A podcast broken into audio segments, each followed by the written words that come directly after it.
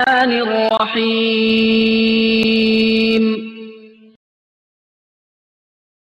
إنا نحن نزلنا الذكر وإنا له لحافظون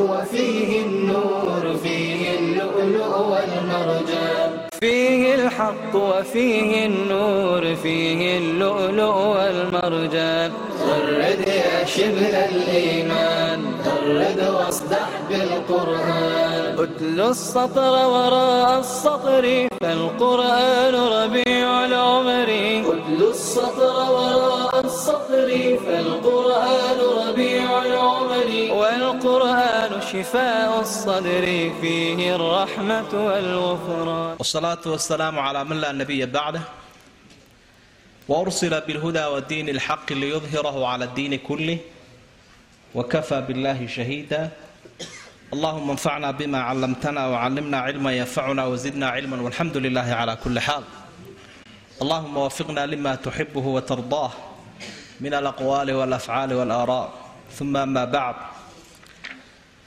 waxaynu ku dhex jirnay tafsiirkii suuradda la laydhaha suurat lbaqara aayadda boqol iyo toddobiyo sagaashan boqol iyo sagaashan iyo toddoba waa axkaamtii xajka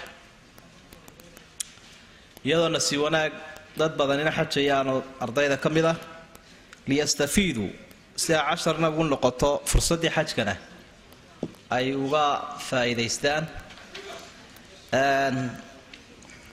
Waa cibaadooyinkii kala duduwanaa ee ilaahay kitaabkiisa kariimkaa uu ummadda ugu jidaynayay isagoo ku addoonsaday laguna imtixaanayo.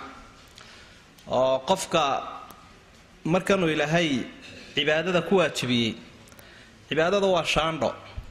Dadka lagu kala shaandhaynaya.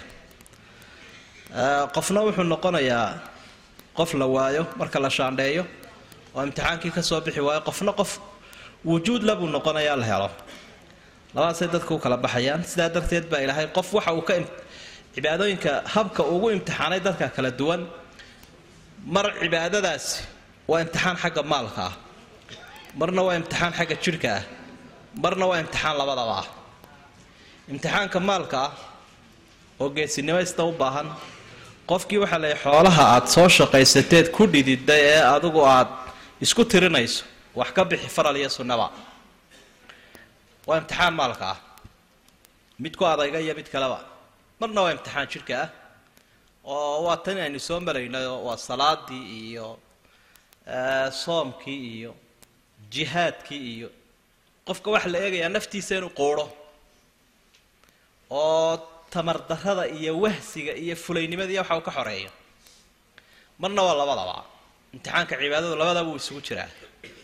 Waa sida jihaadkuna labadaba wuu isugu jiraa naf iyo maal. Xajkuna waa soosoo kale. Waa imtixaan labadiiba laga imtixaanaya qofka naf iyo maalba maaloo qura inuu bixiyo maya. Maalkii wuu bixinayaa ilaahayna wuxuu uhi dhaqaajiyo goobtaa caalamka ku taalla ee gurigaa yari ka taagan yahay. Intaasoo camala ku soo samee. Muddadaa cayiman iyo goobtaa cayiman iyadoo dee weliba iminkaa la isku yara hagaajiyo wax laga farsameeyey berigii hore. Dhul buuruhuna dee ay madow yihiin iskana saxaraaya. Oo la doonayo carbiska qofku uu gelaya iyo tadriibkiiyo layliga meel si wanaag ila marka dhibbo qofka loo dirayo meel xadiiqo ahoo beerahoo cosoba looma diree. Dhul gaaraa loo xulaa dadka ama la xidhayo ama la tababarayo. Saasoo kale marka tanina halkaasaa ilaahay u geeya qofkiibaa lagu eegaya marka inay xujaajtu cawdaan maaha oo qofku marka uu dareemo saxmad badan marka uu dareemo daal badan marka uu dareemo dibdhac badan inuu ama dayuurad ka cawdo ama carab ka cawdo maaha lana waaba loogu talagalayba rifrifkan iyo buusbuuskan iyo daalkan iyo tacbaankan waaba inta lagu imtixaanayaba qofki. Marka hadduu raaxo doono dee isqaban mayso xikmaddii baan u fahminba waaya aan ka soo gudubno. Xajka iyo cumrada labadaba waa waajib axkaam buu leeyahay xajku. Mabaaxiif aynu si kooban u dul marno tacriifkiisa waa tilmaanta uu leeyahay xajku. Sidaa ilaahayba uu tilmaamay waa qasad loo qasto gurigiisaa si loogu soo guto cibaadada mucayanka ah. Xajku fadli buu leeyahay. Nebigu calayhi salaatu wasalaam wuxuu yihi qofka xaja ee rafadka iyo faasiqnimada iska ilaaliya wixii loo diiday waxa uu noqonayaa xagga dembiga maalintii hooyadii dhashoo kale. Ilaahay wuu ka salabaynaya waa laga tirtiraya. Waxaa kaluu nebigu uhi calayhi salaatu wasalaam dadka xajaya dadka cumraysanaya waa wafdigii ilaahay. Hadday baryaan wuu aqbalaya. Hadday dembi dhaaf weydiistaanna dembi dhaafkaasuu siinaya. Xadiid saddexaad wuxuu rasuulku yihi sala allahu calayhi wasalam fadliga xajka sheegaya xajka la aqbalay xajka lagu samafalay ee qofku dadaal dheeraada uu sameeyey abaalkiisu waa janno. Alxaju lmabruuru laysa lahu jazaaun ila aljanna abaalkiisu waa janna xukumka xajka dee waaba arkaanulislaamkii mid ka mid ah. Haddii la isweydiiye ma waajib baa mise waa sunne? Arkaanulislaamkiiba mid ka mida weeye oo waa waajib xajku xajkaa u horreeya xajatulislaamku marka uu qofka ka dhaco haddii uu ku nadro mar dambe waajib buu noqdaa. Inta kalena waa sunne. Xigmadda xajka. Xigmadiisu mid shaksiya iyo mid ijtimaaciya iyo mid ukhrawiya iyo mid dunyawiya way leedahay macnaha faa'iide adduunye iyo faa'iide aakhiro iyo faa'iide qofka ah iyo faa'iide bulshada ah intaba wuu leeyahay oo aada u kooban macno aada u fara badan oo aynaa soo koobi karaynin iminka qaybaha xajka waynu soo sheegnay inuu labadaa qaybood noqonayo faral iyo sunne shuruudaha xajka waxa uu xajku ku waajibaa qof muslim oo mukalaf oo mustatiica waa qodobka lixaad yajibu alxaju cala almuslimi almukalafi almustaiic gaal kuma waajibo haddii muslim la yidhi mukalaf haddii la yidhina waa qof xil qaadi kara. Waa qof miyir qaba oo qaangaadha. Kuwaalan iyo ilmo yar kuma waajiba. Ilmaha yar wuu ka ansixi kawaalan laakiin kama ansaxayo. Mustaiic haddii la yidhina waa qof maal ahaan u karaya. Hadduu maal ahaan u karayo oonu jir ahaan u karaynin cid baa ka soo xaji doonta. Sidaasaa ilaahay uu tilmaamay walilaahi cala annaasi xiju lbeyti man istataaca ilayhi sabiila. Arkaanta xajka. Waxa weeye shan rukni weeye inuu qofku ka soo xidho inuu soo xidho qofku. Oo dee sidan salaadaba loo xidhanayo xajkiina xidhashuu u baahan yahay.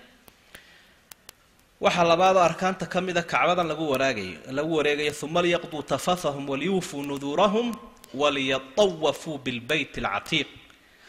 Wareega kacbada toddobada jeer lagu wareegaya waa rukniga labaad rukniga saddexaad waxa weeye safa iyo marwa oo toddoba jeer dhexdooda la ordayo. Rukniga afraad waa xirashada timaha la xiranayo ama la gaabsanayo rukniga shanaadna waa carafa joog joogsigeeda la joogsanaya maalinka sagaalaad gelinkiisa dambe ama habeenka ciidda. Waajibaad buu leeyahay xajku. Waajib macnihiisu waa shay arkaanta ka duwan oo haddii laga tago dhiiguu ku waajibayo qofka. Ase xajkii aan waxba ka noqonayn. Waajibaadkaa waxa kow ah qofku inuu ka soo xidho miiqaadkiisa. Hadduu miiqaadka dhaafo neef baa ku waajibaya. Waa inuu carafo joogaa gelinka dambe ilaa inta qoraxdu dhacayso qoraxdu intaanay dhicin haddii uu ka yimaado neef baa ku waajibaya. Musdelifo waa inuu uhoydaa habeenka tobnaad hadduu ka taga neef baa ku waajibaya. Waa inuu buuraha tuuraa maalinka tobnaad iyo labada cishee ka dambeeya hadduu tuuri waayo dhiig baa ku waajibaya. Habeenka koob iyo tobnaad iyo habeenka labiyo tobnaad waa inuu mina uhoydaa hoyaatinkaasina waajibaadkuu ka mid yahay. Dawaaful wadaac. Kacbada ilaahay markuu ka ambabaxayo qofku maka waa inuu dawaaf ku sagootiyaa oo salaanteeda iyo sagootigeeduba waa dawaaf. Sida masjidkaba salaada ay u tahay. Waxaa laga dhaafay uun dawaafkaa sagootiga gabadha caadadu ay ka timaado dadka inta kale waa lagu leeyahay hadduu ka tagu reerihiisii iska tagana. Lacagta waa inuu dib u xawilaa si loogu qalo xaramka hal neef. Xajku waxa uu leeyahay waxyaabo maxduuraad oo xaraama oo aynu ku soo ururin karno ilaa sideed shay. Maxduuraadka mid ka mid a hadduu qofku ku dhaco isagoo aan cudurdaar lahayn waxaa lagu yeelanayaa in uu fidyoobe in uu la yimaado sida aynu ku arki doonno aayaad ku soo arkayna xalayta neef adhigu gowracaya. Waxyaabaha ka xaaraamta qofka xaajiga ay tahay inuu ku baraarugu xafido waxa weeye inaan loo ogolayn dharkii tolnaa ee caadiga ahaa laba gown buu qaadanayaa iyo kabihii buurhka ahaa looma ogola waxaan loo ogolayn madaxa iyo wejiga inuu daboolo. Waa ka xaraam weeye labada arrimood raggay ku gaar yihiin dumarkuna wejiga aanay daboolaynin iyo gacmaha. Intaa calancalaha qofka xaajiga ahay udgoonka marsan maayo maalmaha uu camalkan xidhan yahay waa ka xaraam weeye. Waxaa kaloo ka xaraama madaxa iyo cidiyaha saynu xalaytaba soo maraynay inuu rifo timaha iyo cidiyaha ma bannaana. Waxaa kaloo ka xaraama jimaacii macnaha galmo uu xaaskiisa u sameeyo iyo wixii la xidhiidha. Guur baan u bannaanayn isagu ma guursan karo gabadh. Inantiisana ma guurin karo. Guurna wakiil kama noqon karo. Waa saacad ilaahay u xidhan oo aan la ogolayn arrimaha kale in la farageliyo. Alfusuuqu waalkhusuuma qofku muranka iyo dooda iyo jaafaajiriqa iyo dembiga wuu ka xidhan yahay. Waxaa kaloo ka xaraama inuu ugaadha laayo. Shayga ugaadha la yidhaahdo hadduu dilana waa dembaabay waxaana lagu leeyahay neefkii ugaadhii uu dilay neef la-eg arrimaha xajka waxaa ka mida mubdilaadkiisa waxyaabaha buriya oo maaragtay xajkiisi uu ku jabaya qofka. Ta u horreeya waxa weeye fawaat lwuquuf qofkii haddii camalkii isagoo ku dhex jira carafa aanu teginba meeshaa lagu ururaya gaadhina anuguma karayo waana saxbada iga makadaydanaan ilaahay ku sii caabudayaan ku tasbiixsan doonaaye. Xujaajta masaakiintii aan axkaamta xajka aqoon qaarkood waaba sida ka dhacdae dabeedna isagoo maka fadhiyunbaa lagu soo noqday ama mina dee halkan unbaan anigu iska sii joogaan sii camirtay buu leeyahay. Xajkii sanadkaa uu dhaafay ha soo qalleey waxaa labaadoo burinaya intaanu taxallulka hore gelin maalinka ciidda wixii ka horreeya hadduu xaaskiisa la kulmo xajkiisii waa baaba. Eeshiyaankaay arrintaasi ku badantao markay xaasaskooda la xajaan. Way iska baraka jecelyihiinoo ayay yidhaahdaan eeriyada ilmaabaha inoogu caloolgalabe eh dee maynu iska wadanaba dee xajkii wuu dhintayba xajkii waa dhintay. Waaya waxaynu u gudbi lahayn sunnayaasha xajka oo iyaguna ilaa tobaneeye ah. Sunnayaashii waxaa ka mid a intaa aynu soo sheegnay wixii ka soo hadhay maalan qofku markuu xidhanayo ka hor waa inuu maydhaa udgoonna marsadaa. Dhar cadna xidhaa. Way kala duwan tahay. Inuu qofku dharkan kala fidsanee labada go-a xidho iyo inuu cad yahay. In wax tolan aanu xidhanin waxay ka mid tahay maxay? Waajibaadka laakiin inuu cad yahay waa iska sunne. Oo mid barabaral u qaadan karaa sunnayaasha waxaa ka mid ah inuu qofku talbiyada wado. Afdalu lxaji alcaju thaj ayuu nabigu leeyahy calayhi salaatu wasalaam xajka waxaa u fadli badan ka dhiig badanna uu qofku sii daayo xoolo badan qalo talbiyadana uu aada u akhriyo. Sunnayaasha waxaa ka mida marka uu carafo gelayo maalinka sagaalaad iyo markuu maka sii gelayay hore uu ku cumraysanayaba inuu u sii maydho hadday duruuftu u saamaxdo hadduu qofku yahay qof xaj keliya xidhan dawaafulquduum baa lagu leeyahay dawaaf kacbada uu ku salaamayo sunnayaasha ka mid a markuu qofku dawaafka dhammeeyo laba ragcadood oo sunna baa jira oo la tukado sunnayaashay ka mid yihiin. Dikriga faraha badana qur'aanku ina faraya dawaafkiiyo sacyiga lagu akhriyayo sunnayaashay ka mid yihiin. Habeenka sagaalaad ee xajka loo ambabaxayo habeenka loo sii socdo aroortoo kale carafa hoyaatinka habeenkaa loo sii hooyanayo mina isaguna sunnayaashu ku jiraa maalinka carafa gelinkeeda hore sida sunnaha waxa weeye in kambalkeeda la dego meesha la yidhaahdo waa dinamira. Gelinka dambena wuquufka la sameeyo waa hadday duruuftu saamaxayso sunnayaashay ka mid tahay.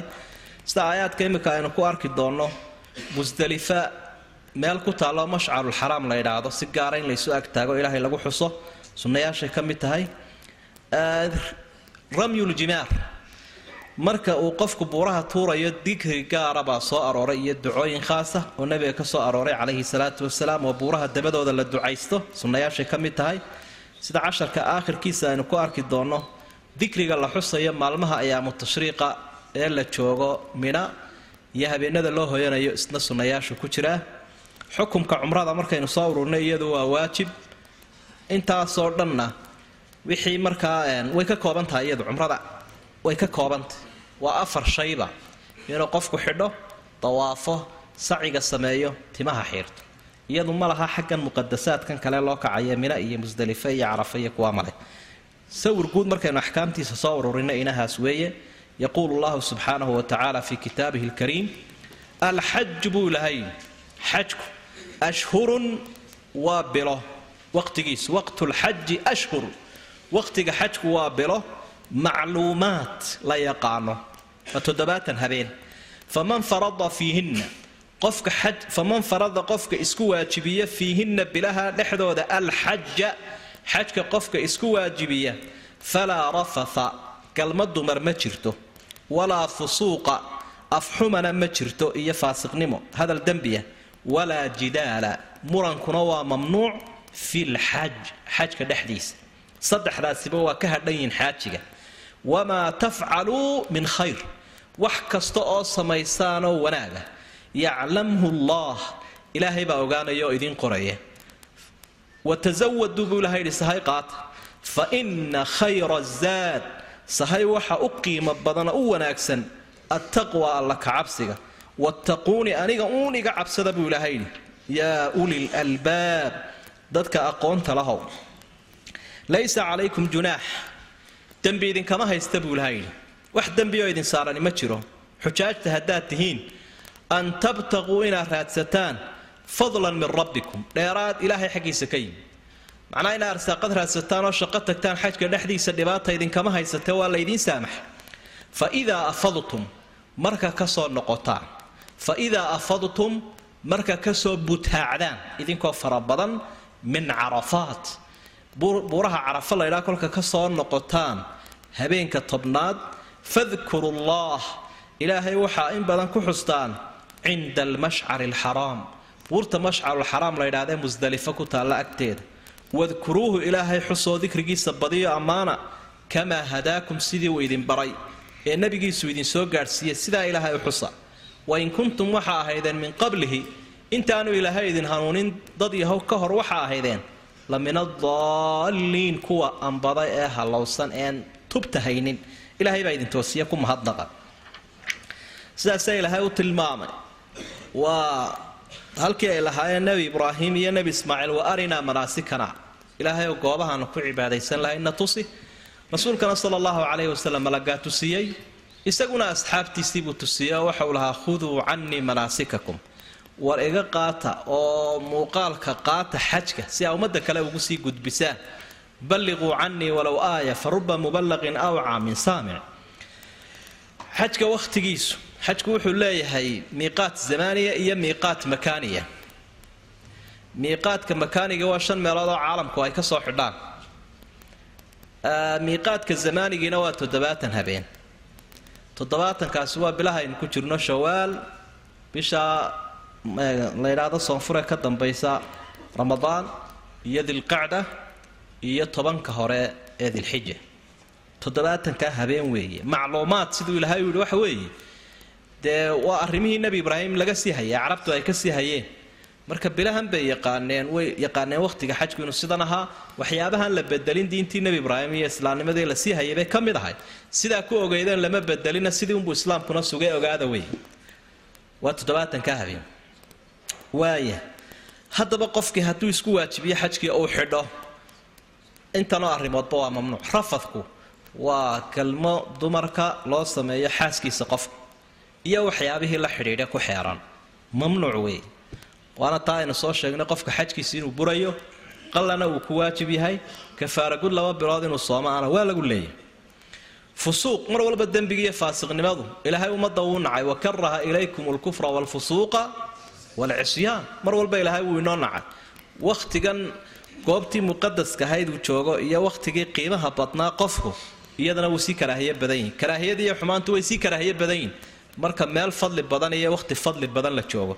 Jidaal walaa jidaala fi lxaj bahalka muranka la ydhaahdaa waa waxyaabaha isnacsiiya asxaabta. Waxyaabaha ummadda kala geeya weeye. Waayo insaanka waxa iskaga abuuran qayd difaac la ydhaa marka kanina uu isdifaacaya kanina uu isdifaacaya ficiltan baa imanaya. Ficil hadduu yimaadana dee jaaniskaa waxaa ka faa'idaysanaya shaytaankii baa ka faa'idaysanaya. Marka jidaalka waxaa la jaafaajiriqa muranka iyo tabaatiigga waxaa la yidhahdaa dee waa shaqooyinkii soomaalida eh. Kaana waa la iska daynayaa qofka xaajigii ha ku talagalo siyaasadiisii halkaasuu iska dhiganayaa qabaailkii qabiiladiisii halkan uu ku wadwadi jiray halkaasuu iska dhiganayaa fadhi kudirarkiisi wuu inaga daynayaa. Ilaahay buu la xidhiidhaya oo adiga arkaya aayaadku fadkurullah ayaa ku badan dikrigaa ku badan. Wax kaa mashquuliya jidaalka waa inuu jiraa wamaa tafcaluu min khayrin yaclamhu allah. Wamaa tafcaluu min khayr. Ismiga khayr waa nakiro. Waxa uu faa'iidaynayaa wax tacmiim. Wax kastoo khayr ahoo halkaa ku samaysaan. Ilaahay baa kuu og. Bal haddii laguhi shaygaa ilaahay baa kuu og. Maxaad u malaynaysa macnaheedu waxa weye wuu kuu ogyahay wuu ka abaalmarinayaa ku talagal marka khayrka ha yaraysanin waxyaabuu ilaahay ummaddan amray xajka dhexdeeda waxaa ka mid ah watasawaduu fa khayra zaadi taqwa. Sahay qaata sahay la qaato waxa u wanaagsan alla ka cabsiga. Marka halkaa waxaad ka aragtay oo nasku inoo muujinaya sahay haddii la sheego goorma la sahay qaataabaa isweydiin leh. Dee waqta safar soo maaha? Marka safar qofka ku jiraa sahay u baahan qofka xaafadiisa iska jooga lama yidhaahdo maxay? Safar ee lama yidhaahdo sahay wixiisa waxaa la yidhaha biil iyo raashin iyo waxaasaa la yidhaahdaa. Ka socdaalka ku jiraa cunnada iyo cabidda iyo agabka uu situ intifaacsanayaa la yidhaahdaa zaad iyo sahay. Waxaynu halkaa ka faa'idaysanaynaa. Safarkii aakhiro ayuu ku xusuusinayaa maxay? Safarka xajku. Safarka xajku waa safarku xusuusinaya safarkii aakhiro. Mulaabasaad badan waxyaabo badan oo xajka ku xeeran oo dadkan isku midka ah ee wada dharka cada qowlka qura lehe bannaanka isugu yimid ilaah keliya wada qiyaamiyo lagu soo ururay oo dadku ay siman yihiin buu muujinaya. Marka safarkani waa inuu ku xusuusiyaa safarkii aakhiro ee loo ambabaxayay ee dad iyo dunyaba keli aad ka noqonaysa. Sidaasaa markaa muuqaalka uu nasku zaad u cabiraybaa taas. Waxaynu ka faa'idaysanaynaa sida jidhku uu sahay ugu baahan yahay iyo wax uu ku tamariyo energy u noqda saasoo kale ruuxduna ugu baahan tahay maxay? Zaad sidaa darteed baa qur'aanku haddii qofku jidhkiisiioo iska xoog weyn oo iska ladan caafimaadkiisu boqolkiiba boqol uu yahay haddii ruuxdiisu wax sahaya aanay haysanin oonay shidaal lahayn qur'aanku mayt buu ka cabiraa awaman kaana maytan fa axyaynaahu. Bal ka warran baa ilahay u leeyahy qofka geeriyaystaa ee aan nooleeyey macnaa gaal buu ahaa uu islaamay. Wakadalika awxaynaa ilayka ruuxan min amrina qur'aankii ilaahay wuxuu nabiga markuu la hadlaya ku leeyahy ruux baan kugu soo dejiyey. Wuxuu nooleeyaa waa ruuxda ruuxda qur'aanka iyo iyo waxyigu. Saa inuu dareemo weeye. Qofkiioo iska weyn oo cadoo maaragtay muruqyo weyn ayaa iska baktiya qolfoof. Kaanahum khushubun musanada qaar ilahay yidhi baa jira qur'aanka. Waidaa ra'aytahum tucjibuka ajsaamuhum wain yaquuluu tasmac liqowlihim kaanahum khushubun musanada khushubun musanada waa qoryo la tiiriyey udubba waaweyn jirdo waaweyn ama waa dogob uun. Markaas sahaydaa ruuxda waa inuu qofku helaa. Tafsiirka markaa caamka ah ee u badan waa kaas weeye. Sidoo kale saa ay sahayda ruuxdu ugu baahan tahay. Taqwadii alla kacabsiga iimaan qalale iyo cibaada iyo daaco ayay ugu baahan tahay dhar ay xidhatana. Oo qofka ruuxdiisu way qaawanaan kartaa hadduu bilaa cibaado iyo diin iyo taqwo yahay. Ilaahay baa waxau uhi walibaasu taqwa dalika khayr dharka alla kacabsigu isagaa khayr badan oo dharkan caadigaaba ka sii khayr badan. Dharkan caadiga ila qabrigaa kaaga hadhaya ma soconaya isagu qaawanaan baa lagu soo baxaya. Marka waa waxyaaba lataaifka aayadda ku jira weeye. Culimada qaarkood inkastoon tafsiirkaa loo badnayn waxay leeyihiin aayadda waxay ku soo degtay niman reer yamaneed ahaa oo si isaga yar busaarasanaayo markay xajka ku sii socdaan. Ayaa waxay odhan jireen naxnu lmutawakiluuna cala allah. Annagu ilaahay baanu iska tala saaranaynaayo sahaydaa dadku uu qaadanaya jeebka ku qaadan mayno. Ilan qofku ma aha kudkudo oo maaragtay wuxuu cunaabuu u baahan yahay. Goordhow kolka ay halkii tagaan bay odhan jireen waar noo dhiiba? Iyo keenkeenaba hadhow odhan jireen. Waxaanu cunno ma haysanne. Ilaahay baa yidhi watasawaduu fa ina khayra zaadi taqwa. Xujaajta haddaad tihiin sahay qaata. Sahay waxa u khayr badan. Attaqwa maa yutaqaa bihi can su'aal. Ta lagaga dhowrsada su'aasha. Su'aal iyo shaxaad sahayda kaa fursanaysa ee kugu filaanaysaa ugu wanaagsan wax la sahay qaato.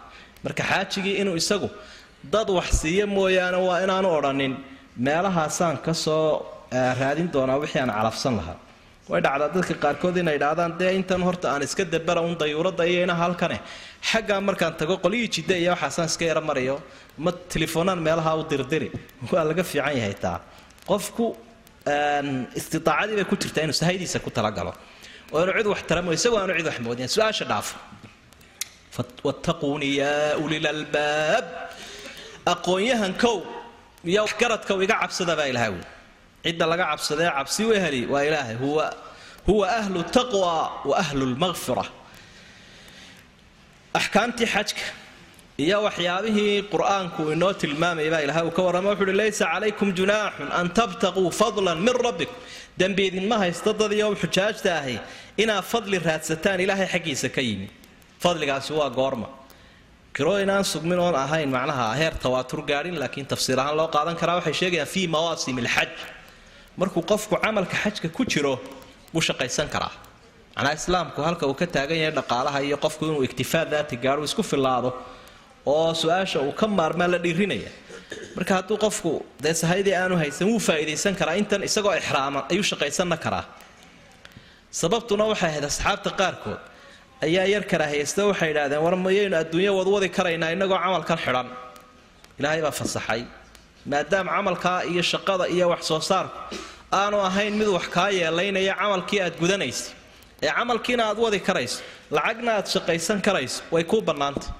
Qofka ixraaman shaqadu xalaal bay u tahay inuu darawalnimo ku shaqaysto inuu maqaaxi shubo inuu dhar iibiyo intuba isaga bannaayn isagoo cibaadadiisiina gudanaya. An tabtaquu fadlan min rabbikum. Saasaa ilaahay uu fasaxay. Taasina waa miduu qofka muslimkaah ogaanayo markuu xajka ku jiraiyo markuu ka baxaba. Faidaa afadtum min carafaat fadkuru llaha cinda almashcari alxaraam. Marka carafo ka soo noqotaan ifaadadu waa biyaha badan markay butaacaan idinkoo aad u fara badan marka ka soo butaacdaan carafa. Qofku macnaha iyo muuqaalka aayaddu ay bixinaysa wuxuu aad u sii dareemi karayaa marka dadka ooda laga qaado ee gabalku uu dhaco maalinta carafa haddii aad saa isu taagtaan meel dheer yara fuusho. Gaadiidku markay dhaqaaqaan iyo dadku marka ay dhaqaaqaan waxaad moodaysaa un daad rogmanaya. Mawjad sidaa u hiraysumaad moodaysa. Dee afar milyanoo mar qura wada dhaqaaqay. Gaadiidkooda iyo dariiq almushaat siiba gaar ahaan waddada lugtu ay marayso. Markuu qofku saa u eego ifaadadaa nasku uu tilmaamay ayaa si wanaagsan u dareemi karaya. Carafaat way ka baxsantahay xuduudda xaramka. Hawd bari bay ka xigtaa maka. Sidaa darteed waa ereyada muqadasaadka laga soo jiiraynaya. Marka horena waa la sii soconaya marka dambena dib baa looga soo noqonaya. Mashcalulxaraam musdelifay ku taallaa rasuulku sala allahu calayhi wasalam habeenka iyo subaxda ciidda ayuu ilaahay ku xusayay. Halkaa salaada subax baa lagu tukadaa masjid weyn oo meesha ka dhisan oo laydhaha masjidu mashcari alxaraam ilaahay ku xusa halkaa. Wadkuruuhu kamaa hadaakum wain kuntum min qablihi la min addaaliin siduu idiin hanuuniyey siduu idiin hanuuniyey raaca markay cibaado tahay siduu rabbi u tilmaamay dadka iyo sida shaaricu u dhigay baa loo raacaya wadkuruuhu kamaa hadaakum liajli hidaayatihi lakum hanuuninta uu idin hanuuniya idinkoo ka mahadnaqaya ilaahay xusa oo xuskiisa badiya waa shaqada la qabanaya oo adiga arkaya mar walba dikriga dikriga qur'aanku soo celcelinaya wuxuu addoomaha ilaahay ugu manno sheegtay in intii ay diin la'aan ku sugnaayeen dadka uu hagay ilaahay oo toosiyey alla wuxuu idhi uma afiiduu waxaa ka soo butaacdaan haddii aa xujaajta tihiin min xayu meel ka soo butaaca oo ka soo noqda afaada annaas halka dadku uu ka soo noqonayo galabta sagaalaad ama habeenka tobnaad halkaasoo carafa ah ka soo butaaca. Wastakfiru allah ilaahayna dembi dhaaf weydiista. Dadka muuminiinta ee xujaata haddaad tihiin ina allaha hafuurun raxiim ilaahay baa dembiga dhaafo naxariista. Fa idaa qadaytum marka aad dhammaysaana gudataan manaasikakum camaladiinna manaasikakum camaladiinna iyo cibaadada a halkaa ku gudanaysaan kolka aad dhammaystirtaan. Fadkuru llah ilaahay xusa xuska alleh ammaantiisa tasbiixdiisa badiya. Ka dikrikum aabaa'akum sida aabbayaashiinbay isugu faani jirteen oo kale. Berigii hore ee islaamka ka hor sida aabbayaashiin u xusi jirteen ilaahay imika u xusa aw ashadda dikran wa ashadda dikran iyo xus ka sii badanba sida aabbihiin u xusi jirteen iyo si ka sii badan iminka ilaahay ha loo xuso. Arrinkii wuu isbedelo aabba xuskii waa la dhaafee. Fa min annaasi haddaba dadkii waxaa ka mida baa ilaahay uhi man yaquulu mid odhanaya rabbanaa aatina ilaahay ow nasii fi dunyaa adduunyada un wax nasii wamaa lahu fi laakhira aakhirana kaasi kuma laha min khalaaq ay min nasiib wax dheefa kuma leh. Ilaahay adduunyunbuu weydiistay wa minhum dadkii halkaa isugu yimi waxaa ka mida man yaquulu mid odhanaya rabbanaa aatinaa fi dunya. Ilaahay oo adduunyada nasii xasanatan wanaag iyo khayr. Wa fi laakhirati xasana ilaahay oo aakhirana wanaag nasii waqinaa cadaaba annaar naarta cadaabkeedana naga badbaadiy oo naga ilaali. Ulaa'ika buu ilahay yidhi kuwan dambe ee sida mudakarkaa ilaahay u baryay lahum nasiibun calaf weyn bay leeyihiin iyo dheef weyn mimaa kasabuu waxa ay shaqaysteen ee khayrka ah ayay ku leeyihiin nasiib wanaagsan. Wallaahu sariicu lxisaab ilaahay xisaabtiisu way dhaqso badantao kuma hawshoonayo dadkan kala noocnoocaa siduu aakhiro u kala diri lahaa iyo siduu u kala meelayn lahaa subxaana. Aayadda hore sababteedu waxay ahayd ay ku soo degta aayadda nimankii quraysh la odhan jiray ee deganaa xaramka ee xokaynta isu dhigayay markaa inay joogaan kacbada ayaa waxay odhan jireen marka dadku uu sii socdo ee maalan maalinka sagaalaad loo sii socdo xaggaa iyo carafa iyagu may dhaafi jirin musdalifa xuduudda xaramka may dhaafi jirin oo mabay tegi jirinba carafa. Dadka kale ee xajayaana carafuu tegi jireen. Markaa waxay odhan jireen naxnu lxums annagu mitid baanu nahay. Dad isku mid maahe annaga mitid baana la yidhaahdaayo ahlulxaram baanu nahayoo xuduudda xaramka ka bixi mayne eh dadkiinan aafaaqiyiintaee meelaha ka yimi hore u sii socda oo halkaa iska soo marmara. Annagu halkanaanu ku sii mitidaynaaye saasay odhan jireen. Amarkana ilaahay uu siiyey xajka xikmadiisuba inay tahay mid jooga iyo mid meel kale ka yimi iyadoo la simayo. Kolkaasaa ilahay uhi uma afiiduu min xayu afaada annaas.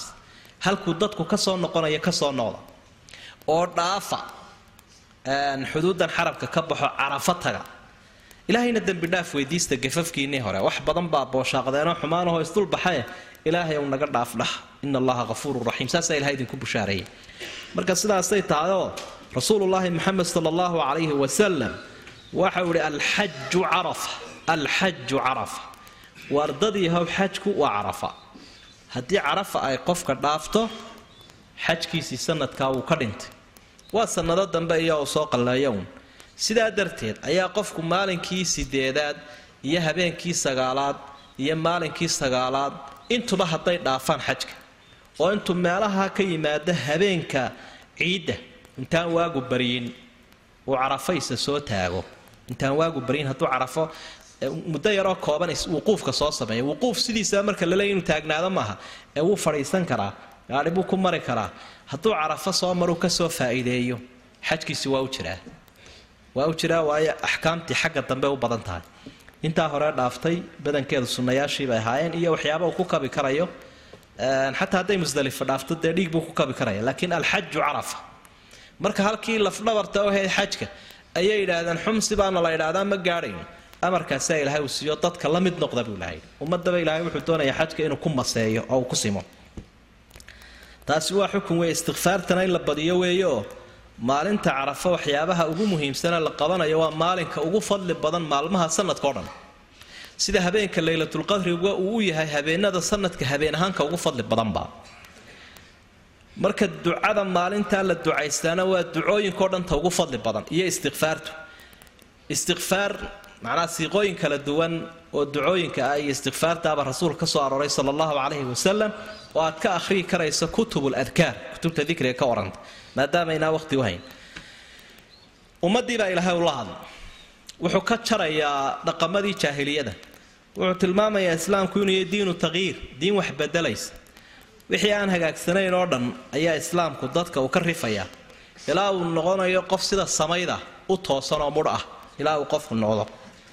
Fa idaa qadaytum manaasikakum fadkuru llaha ka dikrikum aabaa'akum aw ashadda dikr marka camalkiina dhammaysaan ilaahay u xusasa aabbayaashiin xusayseen iyo si ka badan. Markaad sababta fahamtaad macnaha aayadda fahmaysa. Marka had iyo jeer uu soo dhammaado camalada xajku ee mino la ysugu yimaado maalmaha mino la fadhiya iyo habeenada loo hoyanayo ee ilaahay ummadda uu farayo dikrigaa ayaa mimbaraa carabtu isu dhigan jireen mimbaro meel baa la dhigayaa bahal jaranjaro kor loo fuulo. Halkaasaa dabeed dadka gabayaaga ah iyo kuwa maahmaaha iyo kuwa sheeka xariirta haya iyo kuwa aftahanka ah halkaasaa la fuulaya. Halkaasaa la isaga faanayaa qabaa'ilka iyo aabbayaashayo aabbayaashii iyo qabaa'ilkiiba halkaa la ysaga faanaya. Hadda way soo xajeen way xajeenoo cumri iyo xaj bay sameeyeen. Haddana odayaashii iyo qabaa'ilkiiba halkan. Ilan diintoodaa nooca ahayd dadkaan diinta lahayn ayaa sidaa u caabudo dhaqanka noocaas iyo qabiilka gabayaa la ysu tirinaya annagu waxaasaanu ahaan jirnay kaasaanu ahaan jirnay maalin heblaayo wacdarahaanu muujinay saasaanu samaynay sa dee gabayadii xaaraama cunoo midhanoo ciiddaa ka badan. Iyo miyaanaan indhaha ka soo saarin iyo miyaanaan sidaa yeelin gabay ay ku wada jirto ayaa la tirin jiray. Ilaahay wuxuu leeyay taa waa laga guuro waa la bedelo aabba la xusi maayo iminka ilaahay baa la xusayaa ee ilaahay xuskiisa ku bedela xuskii aabbayaasha aw ashadda dikran iyo mid ka sii badanba. Sidaa weeye halkaa marka la joogo wuu hadhay wax waliba oo kaloo la sheegaya. Ilaahay unbaa la xusaya subxaana waxaa kaloo rabbi uu saxay. Dadku markay halkaa isugu yimaadaan ilan gaaladuba way xaji jireen. Sanadii sagaalaad wixii ka horreeye sanadii sagaalaad baa laga mamnuucay. Way ducaysan jireen. Dadka qaarkood oo iimaankooda aan weli qaraysanin oo aan iimaan weyn lahaynba iyaguna ducaysan jireen maxay ku ducaysanayaan? Rabbanaa aatinaa fi dunyaa ilaahay adduunyada waxna sii ilaahay ubad bay weydiisanayaan aakhiray waxay weydiisanayaan maal iyo ubad. Ayay weydiisan jireen. Caama khasbin wa kayfin wa wilaadatin. Ilaa u sanadka waxaad nooga dhigta mid dadka iyo dunyada iyo wiilka iyo caanaha. Waxoo dhammiba ay fara badan yihiin aanu dhiisha faqriga tuurne saasay odhan jireen. Marka wamaa lahu fi laakhirati min khalaaq. Khalaaq waa nasiib. Aakhirada nasiibba male leanno ilaahay mabuu weydiisanba mabuu baryinba marka kaas waa la deedifeeyey ducadaas. Sideedaba qofka muminka ahi markuu ilaahay baryaya waxaa la doonaya inuu han weynaado. Qofna waa qof han weyn qofna waa qof han yar. Dadku markay eedaynayaan qofka waxaa la yidhahdaa nin qofkaa hebel macnihiisu ma buurnoo? Waa mid han yar. Wax yar buu doonaya ama wax yar baa qancinaya. Meel yar isugu ka fikiraya qofna waa qof hamigiis iyo hankiisu aad u weyn yahay baa la haddaba qofka muuminkii wuu han wenyay wuxuu ogyahay adduunyada iyo aakhiradaba anfacooda inuu ilaahay hayaa buu ogyahay masdarka khayraadku adduun iyo aakhiraba inuu ilaahay yahay buu ogyahay oon gaalana haynin faasiqna hayn adduunyana hayn shaytaanna haynin ee ilaahay unuu hayo ayuu ogyahay markaasaa wuxuu leeyahy rabbanaa aatinaa fi dunya xasana wa fi laakhirati xasana waqinaa cadaab annaar ilaahay buu weydiisanaya adduunyada wixii ugu daran oo dhan ee khayra ee uu doonayo. Wixii shara buu ka magangelaya aakhirana saas oo kale labadaba. Adoo labadaba helaya maxaa mid qura kugu xidhan waa kaa ilaahay ui ulaaika lahum nasiibun mima kasabuu wallahu sariicu lxisaab dheef weyn bay le nasiib. Nimankaasi calaf weyn bay qaateen. Dadka rag iyo dumarba sidaa ay wanaagsane dhammayska tiran ilaahay u baryaya calaf bay qaateen. Rabbanaa aatinaa fi dunya xasana wa fi laakhirati xasana. Xasanada aakhiro waa janno janno la yidhiyaana dee iyadaa wax walba isku fuuqsata. Wax walba nabigu calayhi salaatu wasalaam marka wuxuu yidhi ilaahay baryaysaa ninbuu maqlay. Ducaysanaya oo duco waxyaabo badan kala duwan jannada dhirteeda iyo dumarkeeda iyo kada iyo kada iyo waxbuu kala tirinaya fooqyadeeda cadcad iyo waxbuu kala tirinaya. Waar ilaahay janno weydiiso hadduu ilaahay janno ku siiyo waxa ku dhex jiro o dhan baad heli. Marka ilaahay weydiisanaysaan janno fasaluuhu lfirdaws jannada firdaws weydiista marka xasanada aakhiro waa janno xasanada adduunyada qolaba waxbay ku fasireen tafaasiir kala duduwan waa maal xalaala waa cibaado wanaagsan oo qofka la siiyo mee waa cilmi la siiyo mee waa caafimaad la siiyo qaarkood baa yidhi waa islaam wanaagsanoo la siiyo. Isku wada dar. Isku wada dar. Maxaa u diidaya? Intuba inay xasano noqdaan oo intaba qofku ilaahay weydiisto dabeetana intaba la siiyo. Intuba ay xasano u noqdaan. Waa tafsiirka shaamilkaa weeye. Waay sidaasaa addoommaha ilaahay uu tilmaamaya. Waa la buuxiyey gaabkaagii. Waxaad qaban lahayd iyo waxaad ku qawli lahayd labadaba waa lagu tilmaamay. Ilaahay subxaana saa darteed jaanis uma hayo qofka muuminkaahi ficil liita iyo qowl liitaba leanna waa tan loo buuxiyeyba. Marka taasunbaa u baahan inuu qofku aqoon u yeesho ku xisaabtamuu fursadda ka faa'idaysto. Waa fursad qaaliya alla wuxuu uhi isagoo ummaddan la hadlaya wadkuru llah ilaahay xusa ummad yahay. Fii ayaamin maalmo macduudaat tirsan waa saddexda maalmoode ciidda ka dambeeya ayaamu tashriiqa laydhaa faman tacajala qofka degdega fii yowmayni laba maalmood dhexdood ku degdega falaa ima calayhi dembi ma saarna. Waman ta'ahara ka isaguna sii dibdhaca ee saddexda cishaba dhammaystira falaa ima calayhi isagana dembi ma saarna liman ittaqaa waa qofka ilaahay ka cabsanaya wattaquu llah ilaahay ka cabsada. Waclamuu waxaa ogaataan annakum idinku ilayhi ilaahay hortiisa iyo xaggiisa uun tuxsharuun in la idiin soo ururin doono. Oo halkaa la ydinku soo faylinayo rabbi hortiisa si uu idin xisaabiyo idin kala diro. Weli waa tilmaamihii nasku uu siinaya ummadda. Waa dikriga addikr. Yaa ayuha aladiina aamanuu dkuru llaha dikran kaiira xuska ilaahay addoonka uu xusayo wuxuu ku gaadhayaa inuu ilaahayna isaga xuso. Xuskaagu wuxuu ku gaadhsiinayaa xuskaagaa yar mutawaadicee miskiinka ahi ilaaha boqorka ahee weyn inuu ku xuso. Hadduu ilaahay ku xusana maqsuudkii baad gaadhay. Markaasaa wuxuu uhi waladikrullaahi akbar. Xuska ilaahay addoonku uu xusayo waxa ka weyn xuska ilaahay addoonka uu xusayo. Addoonkii ilaahay uu xusay wuxuu ku helay markaa inuu ilaahayna addoonkii xusay. Kaase haddaba weyn baa ilahay kaa addoonkuu gaadhay baa weyn. Ila ilaahay uma baahna addoonka iyo xuskiisa uu ka maarmaya. Addoonkaa baahane. Man dakaranii fii nafsihi dakartuhu fii nafsi. Waman dakaranii fii malain dakartuhu fii mala'in khayrin minh qofka si gaara i xusa anaa si gaara u xuseeya baa ilahay qofka jamaca dhexdiisa igu xusana anna jamackiisa ka khayr badan ayaan ku xusaya.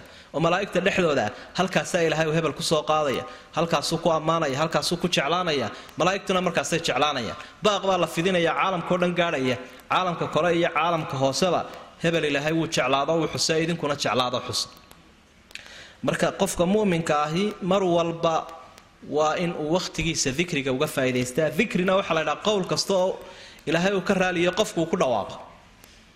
Qowl kasta oo qofku ama sunno ha ahaado qowlkaasi ama ha ahaado waajib ama shay mubaaxaho fiicanba ha ahaado. Qowl kasta oo ilaahay uu jecelyahy sidaa darteedba xataa cilmiga uu qofkii sheegayo iyo wanaagga uu farayo xumaanta uu diidayo iyaguna dikrigaasay ku jiraan. Salaadii baa dikrigii ku jirta qur'aankii baa ku jira salligii nebigaa ku jira tasbiixdii xamdigii. Dikrigu ma aha oo qura subxaana allahi walxamdu lilahi walaa ilaha illa allah kuwaasi weyihiin laakiin waa qowlka caamka ah dikrigu xukunkiisu waa kaa caamkaa wey wadkuru llaha fi ayaamin macduudaat. Maalmo tirsan. Waa saddexda maalmood ayaamu tashriiqa loo yaqaano ka dambeeyo ciidda. Habeenka koob iyo tobnaad habeenka labiyo tobnaad labadaaba in halkaa loo hoydaa waxa ay ka mid tahay waajibaadka xajka. Hadduu qofku ka tagana dhiig baa lagu yeelanaya dad koobanoo loo ruqseeyo waa jiraan sida maalan dee qofkii xoolaha soo waraabinaya kii xoolaha raacayay kii bukay iyo waxyaabahaas ee dhakhtar la geeyin. Maalmaha waa maalinka koob iyo tobnaad iyo maalinka labiyo tobnaad iyaguna waa waajib. Maalinka saddexiyo tobnaad iyo habeenka saddexiyo tobnaad iyagu waxa ay noqonayaan qofku saa naskuba uu tilmaamay ikhtiyaar buu u leeyahay inuu joogo oo wuu ka tegi karaa waanu joogi karaa. Ilaahay xus marka shaqadii la qabanaya weeye waa in halkaa in badan ilaahay lagu ammaano waa in la ysku wacdiyo waa in ummaddu iswacyigeliso waa in qur'aanka iyo dikriga laga faa'idaysto waa in sadaqada la bixiyo waa in hadyigii la gowraco la cuno. Khayrkaa faraha badan baa maalmaha la wadaya. Ilaa waa la farxay. Waxaa lala farxayaa cibaadadaa la soo gutay oo la soo dhammaystiray oo ilaahay qofkii waafajiyey fursaddii cumriga. Marka dikriga ilaahay baa la badinaya. Sidaa daraaddeed ayaa nebi maxamed waxau yihi calayhi salaatu wasalaam isagoo mino jooga ummadda ayuu la hadlayaa waxa uu leeyahay laa tasuumuu ama caaisha siiqaday ku warinaysaa waxay ahayd ayaamu tashriiqi ayaamu aklin wa shurbin wa dikri illaahi tacaala. Saddexdaa maalmood waa maalmo la farxo oo wax la cuno oo la cabo oo ilaahay la xuso ha soomina weeye. Waa shanta maalmood ee mamnuuca sanadka ay tay in la soomo labada ciidood iyo saddexdaa ka dambeeya ciidda carafe. Ayaam tashriiqa loo yaqaano waa maalmo dabaaldeg iyo fantasiyo lagu jiro oo ummaddu cunnada iyo cabidda iyo casuumadda khayrka leh iyo dikrigaa la wadaya. Wadkuru llaha fii ayaamin macduudaat. Lamana ogola in halkaa laga tago. Haddaba laba ikhtiyaar buu qofku leeyahy maalinka koob iyo tobnaad iyo labiyo tobnaad markuu dhagaxa tuuro casarka labiyo tobnaad inuu ka caraabo mina. Taasi wuu khiyaarkaa wuu leeyahy khiyaarka saddexaadna waxa weeye habeenka saddexiyo tobnaad intuu soo hoydo maalinka saddexiyo tobnaadna inuu tuuro buurihii. Oo marna buuraha laba cisho waxaa la tuurayaa laba cisho oo ka dambeeya ciidda marna saddex cisho ciidda ka dambeeya. Iyada maalinka ciidda hal buur baa la tuuraa jamratulcaqaba la idhaahdo taasi iyadu waa mid gooniya. Laakiin saddexdaa dambe mar wuu isku dari karaa marna wuxuu ku gaabsan karaa qofku koob iyo toban labiyo toban nasku taasuu tilmaamo ilaahay wuxuu uhi faman tacajala fii yowmayni falaa ima calayh. Qofka laba maalmood ku degdega dhibaata ma jirto. Intuu koob iyo toban tuuray ayuu maalinkii labiyo tobnaadna tuuray casarkiibuu sii dhaafu maka tegay waa u dhantay waman ta'ahara falaa ima calayh. Kadib dhaca ee ilaa maalinka saddexiyo tobnaad sii jooga isna dembi ma saarnay khayr buu falay. Liman ittaqa qofka taqwo leh ee diin raacaya ee ilaahay ku adeecaya ruqsadan leh. Kii siyaabo kale meesha u tegee u marmaraya dee ma ruqsad buu leeyahayba. Alle mar wal uu soo gebagabaynayaba camal uu faray. Wuxuu ku soo gebagabaynayaa taqwada. Wattaquu llah waclamuu annakum ilayhi tuxsharuun ilaahay ka cabsada waxaana ogaataan inay ilaahay hortegaysaan. Oo asalkeedaba axkaamta qofka lagu waajibiye wuxuu fulin karaa. Wax loo diiday waxa uu ka tegi karaa markuu taqwo leeyahay haddaan taqwa jirin qofka waxba ma xidhaan. Breeg qabanaya iyo dhagax loo dhigayo toona ma jiraba qofka waxa hakiya waa cidu nafsi waa damiirkiisa waa alla kacabsigiisa. Ummaddu haddii alla kacabsiga iyo iimaanka iyo qiyamka iyo akhlaaqda wanaagsana rabbaaniga ay ka dhismaan waa dad jabsan oo laylyan oo la hogaamin karo oo wax laga iibin karo oo la wacdii karo oo miir qaba. Haddaanay taqwo iyo alla kacabsi toona lahayn iyo khayr iyo iimaan. Dee dad baa xoolaa la ilaaliyaa dad lama ilaaliya baa le meelay ka dusaan ma waayaan. Boolisku ma qaban karo maxkamaddu ma qaban karto sharcigu ma qaban karo qiildaygoodu wuu fara badan yahay. Midhiqiskooda iyo dusduskoodu dadka markaa aad buu u badanaya sidaa darteed ayaa sibqada sharcigeennu uu dheeryahay nidaamyada kale ama qawaaniinta. Sharcigeennu wuxuu dheeryahay waa sharci iidaan leh. Macnaha waxa uu leeyahay wax qofkii layliyaya oo dabcinaya oo shay waloo lagu waajibiyaba waxa la socda tarkiib iyo tarhiib. Waa mumayisaadka sharcigeenna iyo tashriicaadka samaawiga ah ay leeyihiin. Waxa ayaa waxaa sameeya markaasaa loo sheegaya hadduu sameeyo bushaarada iyo ballanqaadka uu leeyahay adduuniya aakhiraba. Waxa ayaa waxaa iska daaya haddii uu iska dayn waayo ciqaabka daba yaalla ee qofkii uu ka naxayu ka jidhidhoconaya ka joojinaya loo sheegaya. Waa sibqo cajiiba oo sharcigeennu leeyaho nidaamyada kale aanay lahayn. Waaya ilaahay wuxuu ihi wa min annaasi dadka waxaa ka mida man mid baa ka mid a yucjibuka uu ku yaabgelinayo qowluhu hadalkiisu fi lxayaati dunya adduunyada dhexdeeda uu ku dhawaaqayo.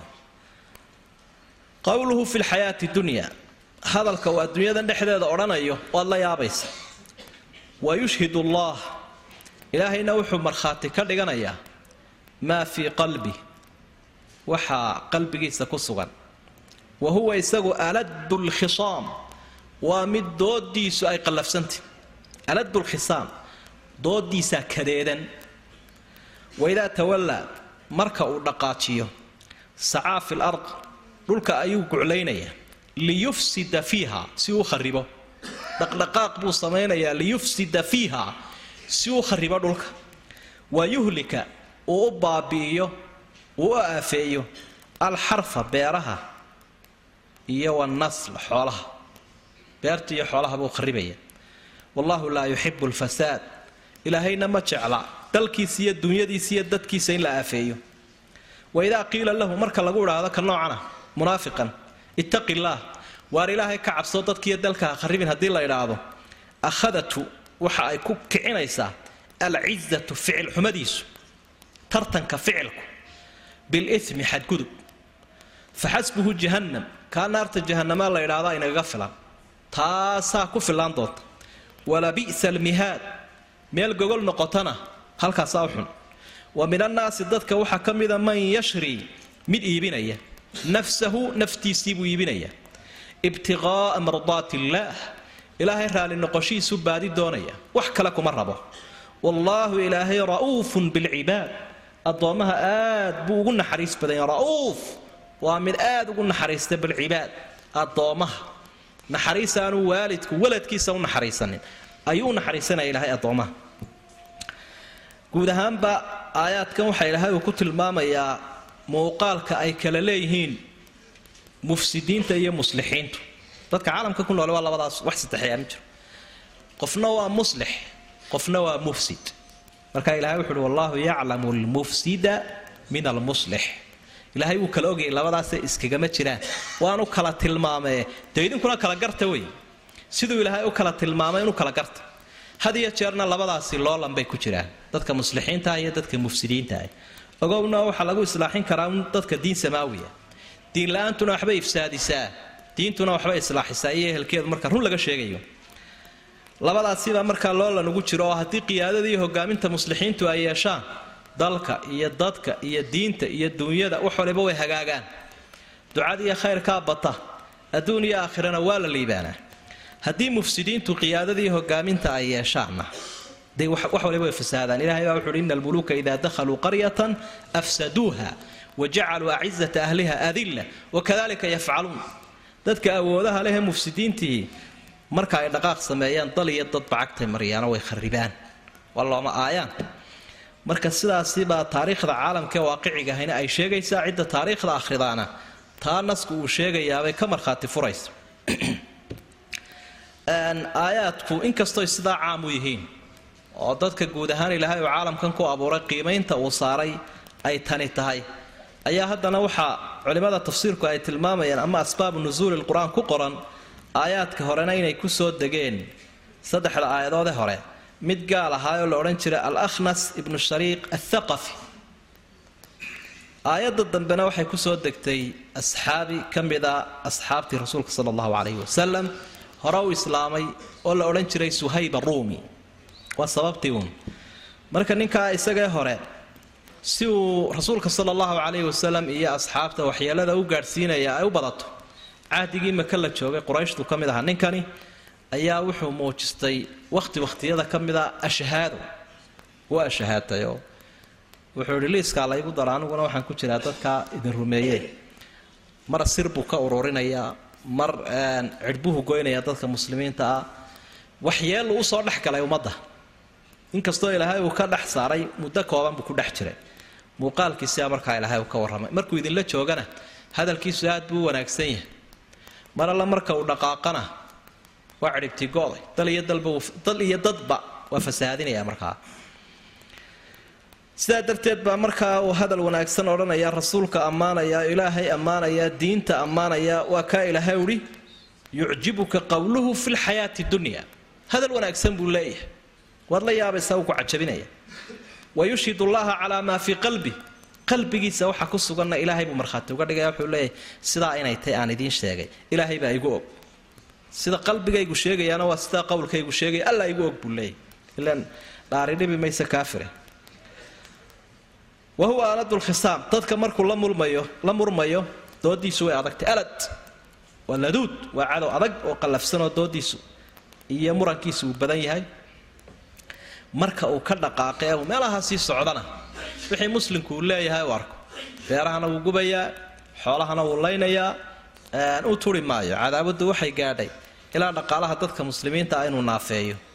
Waa kaa ilaahay uhi liyufsida fiiha wayuhlika alxarfa wannasl dhulkiina wuu fasahaadinayaa yuhliku alxarfa wannasl xarigu waa beeraha.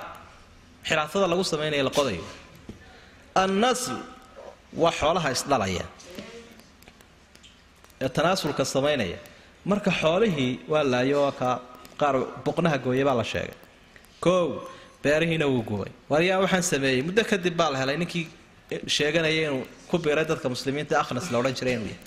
Guuldaradiisa yuhliku alxarfa wannasl waxaa kaloo lagu fasiray maatida oo xarfiguna waa dumarkii ila waa nasliguna waa ubadkay dhaleen. Ilaahay baa wuxuu uhi nisaa'ukum xarfun lakum.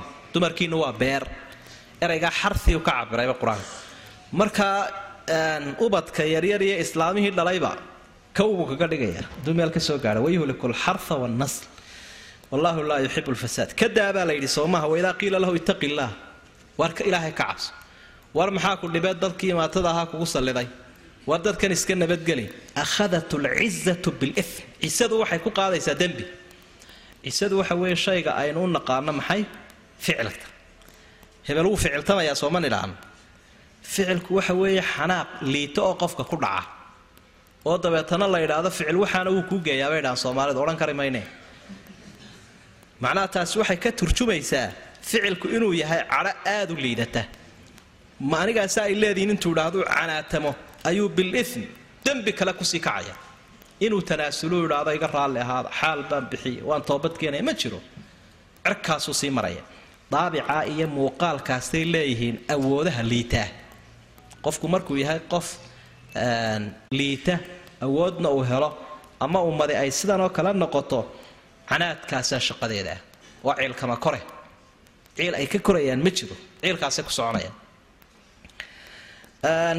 Dadka had iyo jeer noocan oo kale awoodda lihi iyagoo wax fasahaadinaya islaax ku sheegaya. Innamaa naxnu muslixuun adiga arkayo gaaladu meeshay maraanba caalamka.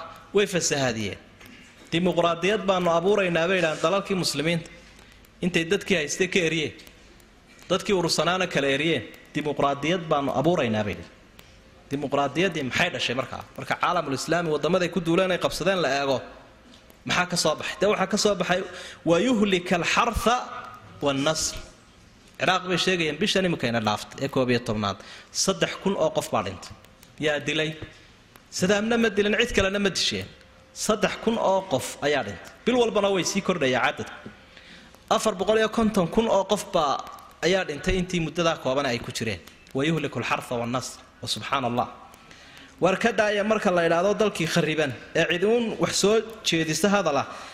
Akhadat lcizatu bilithm arinaw kiciya baa laleey isna uu la saftae liiskuu ku jiraaye isna liiskii madoobaa uu soo galayna u kiciya marka waa wax ilaahay subxaana taariikhu ina barayo oo la kulantay rasuulka sala allahu caleyhi wasalam oo had walba dadka muslimiinta la kulmaysa oo kaafir ka imanaysa oo dhaqan u ah weeye. Dhaqankaasi ma mudna dadka muslimiinta inuu ka yimaado. Qofka muslimka ahi waa qof ilaahay hortiisa. Inuu tegayo ogsoon aakhiru u tudhanayaa wuxuu iska ilaalinayaa dalka iyo dadka iyo diintaba wixii fasaad ku ah. Wuxuu u nool yahay inuu wax islaaxiyo hagaajiyo oo naftiisa uu ku bixiyo badbaadinta diinta iyo dalka iyo dadka. Sidaa ilaahayba uhi wa min annaasi man yashri nafsahu ibtiqaa'a mardaati illaah mid naftiisa iibinaya ilaahay buu ka iibinaya. Naftiisuu huraya maal iska daa. Naftiisii wuxuu u huray maxay? Ilaahay raalli noqoshiisuu baadi doonaya liixqaaqi alxaq waliclaa'i kalimat illaah walinusrati diin illaah waliislaaxi alcibaadi walbilaad dal iyo dal inuu hagaajiyo dadka iyo dalka inuu hagaajiyo iyo diinta ayuu u socdaa ibtiqaa mardaat illaah ilaahay buu raalli gelinaya maxaa ilaahay uu ka cadhoonayaa muxuuse ku raalli noqonayaa buu kala qiimaynaya wax cuniyo fii sabiili hunguri maaha dhaqdhaqaaqiisu aargoosina ma aha intiqaamna ma aha laakiin waxa weeya ifsaadna ma aha laakiin waxa weeye islaax iyo ibtiqaa mardaat illaah. Aayadda waxay ku soo degtay suhayb. Wuxuu doonay inuu hijroodo. Rasuulkii sala allahu caleyhi wasalam saaxiibka ahaa madiina taga uu ka daba ambabaxo waxaa lagu qabtay kantaroolka maka ama kambalkeeda ayaa lagu qabtay. Quraysh baa qabatay intay ka soo daba gurmadeen. Waxay yidhaahdeen kiish lacagabaad sidataa soo maaha. Markii aad halkan timid dee ruum wuxuu ka mid ahaa dee nimankii reer ruum buu ka mid ahaa ee reer yurub ayuu ka mid ahaa asxaabtii rasuulka sala allahu caleyhi wasalam u horreysay sida salmaan alfarisiba uu ahaa reer bariga. Ilaan diinta islaamka waa shay lagu abtirsanayo ajnaas kala duwan u siman oo cadaaladii xaqiijinaysa. Markii aad noo timi keligaabaad ahay iminkana wax fara badan baad doonaysaa bay idhaahdeen inaad la dhaqaajiso. Ma ha ka yaabin la tegi maysid waxaanoo xoolaahay. Ilaan iimaanlaawe adduun baa u daranay markaasaa wuxuu uhi waayahaye haddii aan wax alla waxa aan sito oo dhan ka dhex siibto oo aan idinku wareejiyo maydin isii daynuunaan iska qaxee. Ha waanu ku sii daynaynaabeen miyaad nooga tegaysaa intan oo dhan? Kol haddaad intan oo dhan nooga tegayso waanu ku sii daynaya waxba ku yeeli mayna iska dhaqaaji. Wuu u dhigay. Hadduu daara lahaa iyo hadduu duunyo lahaa iyo u wada saxeexay. Bal isii daayanbuu adduun waa la helaaye. Iimaankayguna la fakadee. Sidiibaa dabeedna ay ku sii daayeen. Aayaadkanaa soo degay cumar ibnu khadaab baa u bushaareeyey markii horreeyey arkay markuu madiine tegay rasuulkuna sala allahu calayhi wasalam waxa uu lahaa rabixa maalu suhayb rabixa maalu suhayb aw kamaa qaala calayhi salaatu wasalaam suhayb maalkiisii ribix badan iyo faa'iido badan buu yeeshay. Rabixa suhayb buu rabixa suhayb maratayn wallaahi faa'iido badan buu ku dhuftay oo aan cidi gaadhi karay ninkii suhayb lo odhan jiray waa dee taa ilaahay uu tilmaamuu ihi man yashri nafsahu ibtiqaa'a mardaati illaah ilaahay muxuu kaga raali noqonaya.